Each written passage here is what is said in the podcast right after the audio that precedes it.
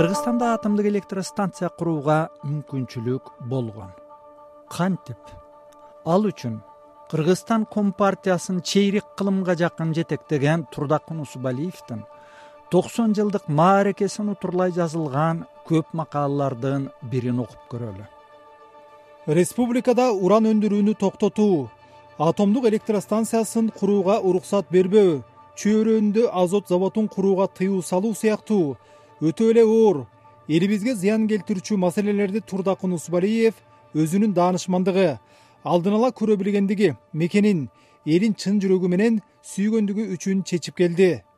Деп жазат тарых илимдеринин доктору маданиятка эмгеги сиңген ишмер турду жыргалбеков ултубуздун сыймыктуу уулу деген макалада дүйнө өлкөлөрүндө анын ичинде өзбекстан менен казакстанда уран өндүрүү эч качан токтотулбаган.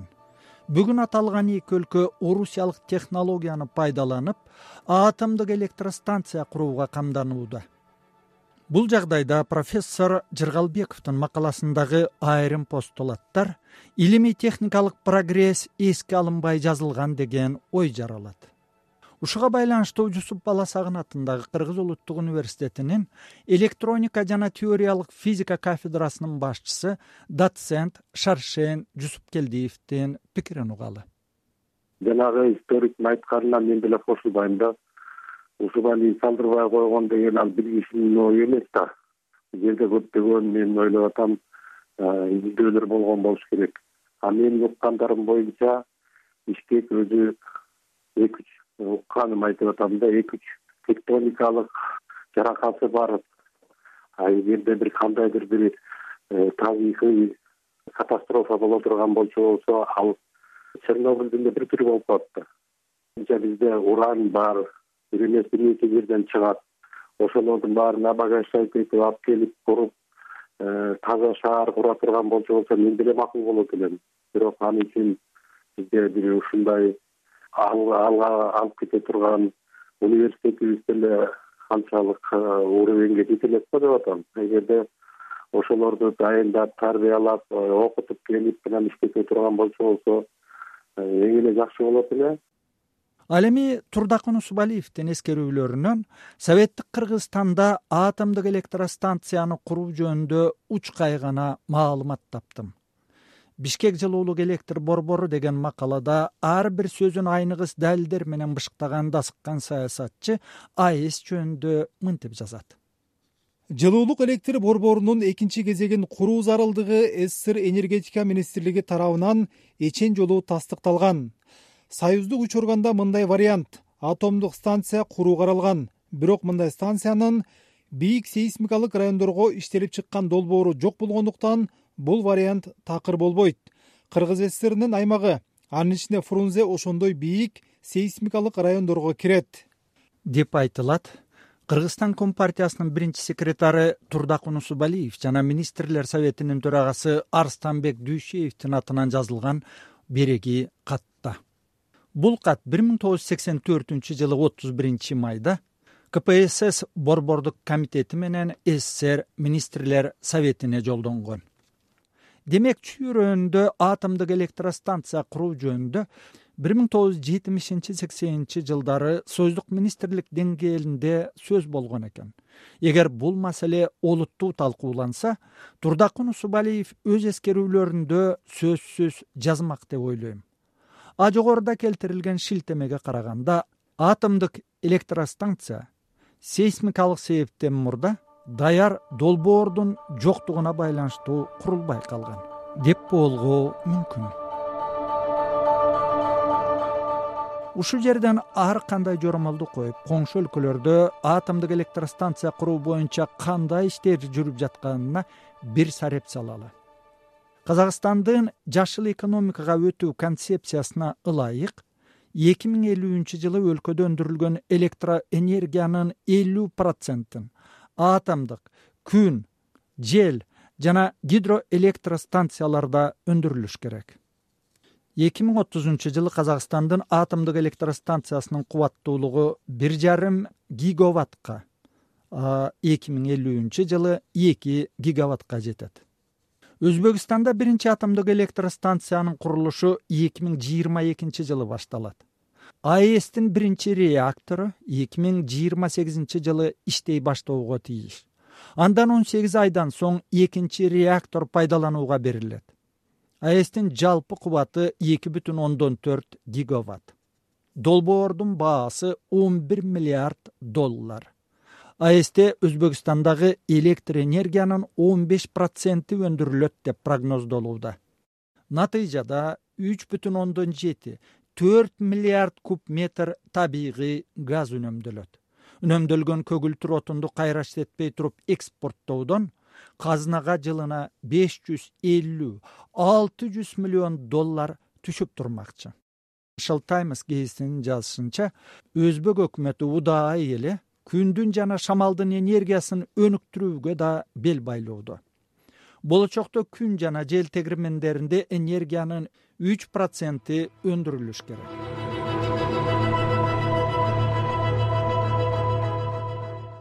Өзбекстан менен казакстандын атомдук электростанция курууга белсенип жатканына карата жогорку кеңештин мурдакы депутаты физика математика илимдеринин доктору каныбек осмоналиев мындай деди.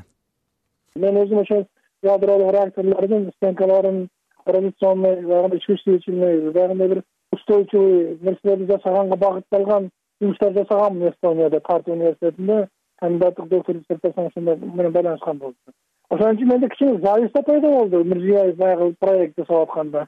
Бул миллиарддаган э, ири э, каражатты талап кылган проект да орустар менен жасап аткандыгы ошонун сутоосу менен эле өзүнүн көп кадрларды даярдоо инфраструктураларды түзүү анан керек болсо биздин гидроэнергетикадан көз каранды болбой кала тургандай э, электр энергиясын өндүрүп чыгаруу жылуулук системасын жасап алуу ошо ошол нерселерди жасап атат. Себеби өзбекстан азыр абдан тез динамикалык түрдө электр энергиясын көп э, ала турган өндүрүштөрдү түзүп вот ошондой жол менен казакстан да кетип атат ошондуктан мен кыргызстандын дагы мындай келечектеги ишин ядролук атомдук э, өндүрүш менен байланыштырганына эч ушундай тайсалдабайм тайманбайм коркпойм деле биздер ошого умтуле беришибиз керек.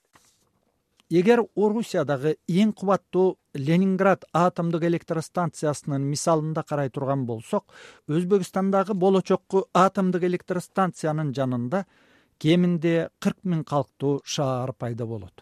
Ошондой эле тийиштүү инженердик окуу жай түзүлөт. Ал үчүн москвадагы айтылуу инженердик физикалык институттун филиалы өзбекстанда ачылмакчы ал эми ядролук физика боюнча илимий изилдөөлөрдү жүргүзчү институт ташкентте бир миң тогуз жүз элүү алтынчы жылдан бери иштейт. Бул фактылардан улам эгерде бир миң тогуз жүз жетимишинчи сексенинчи жылдары ал кездеги советтик кыргызстанда атомдук электростанция курулуп калса бүгүн өлкө үчүн кандай пайда болмок деген суроо туулат. Совет заманында аэс курулчу болсо жалпы союздук бюджеттин эсебинен курулмак. Жана аны тейлөөчү күчтүү инженердик техникалык кадрлар пайда болмок дейт профессор мааматжан акжолов. Ошол убакта тем более союздун кезинде ал жөн эле ишке ашмак да. Ал кыргызстан үчүн өтө чоң олжо болмок.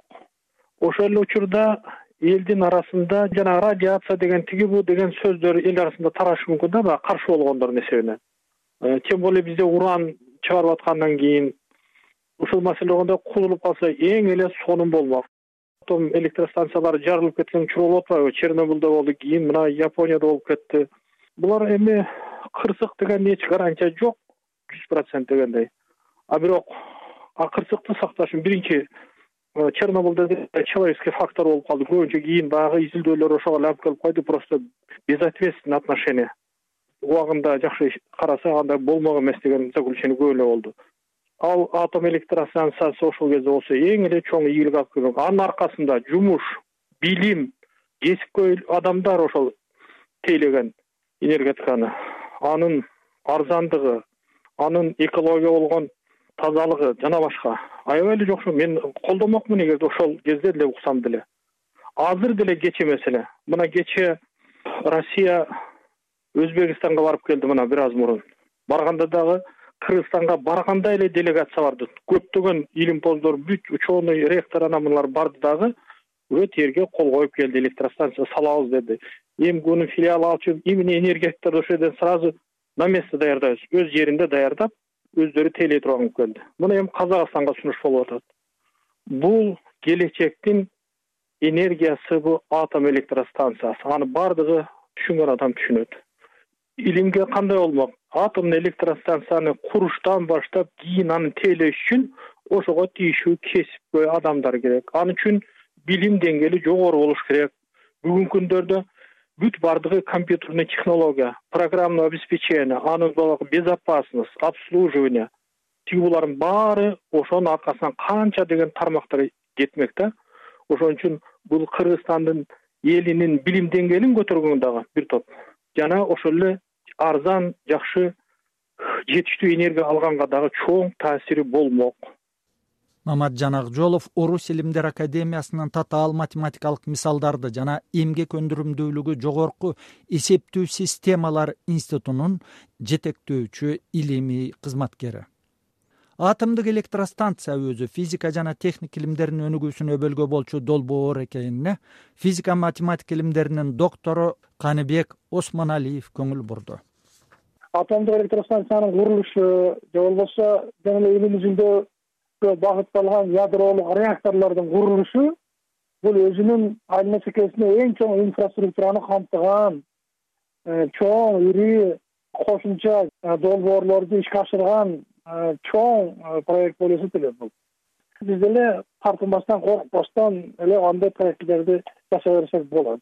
Бирок бүгүнкү күндөгү биз так илимдерди айрыкча техникалык илимдерди анан казакстан менен өзбекстандан айырмаланып эң жаман жагына түшүп алып бүт өзүбүздүн заводдорубуздун баарын кыйратып талкалап писак программасы менен ошентип алганыбыздын өзү эле биздин кыргыз элибиз вообще эле мына азыркы бүгүнкү күндө мындай долбоорлорду өтө эле алыстап кеткендигинен абдан үмүттөнөт ошол атомдук электростанциялардын пайда коэффициенттери абдан чоң болуп атат. Азыр бул бир. Экинчиден бир эле атомдук электростанция эмес башка альтернативдик э, энергиянын булактарын ишин жасабайбыз ошол эле шамалды ошол эле күндү деди жогорку кеңештин мурдагы депутаты физика математика илимдеринин доктору каныбек усмоналиев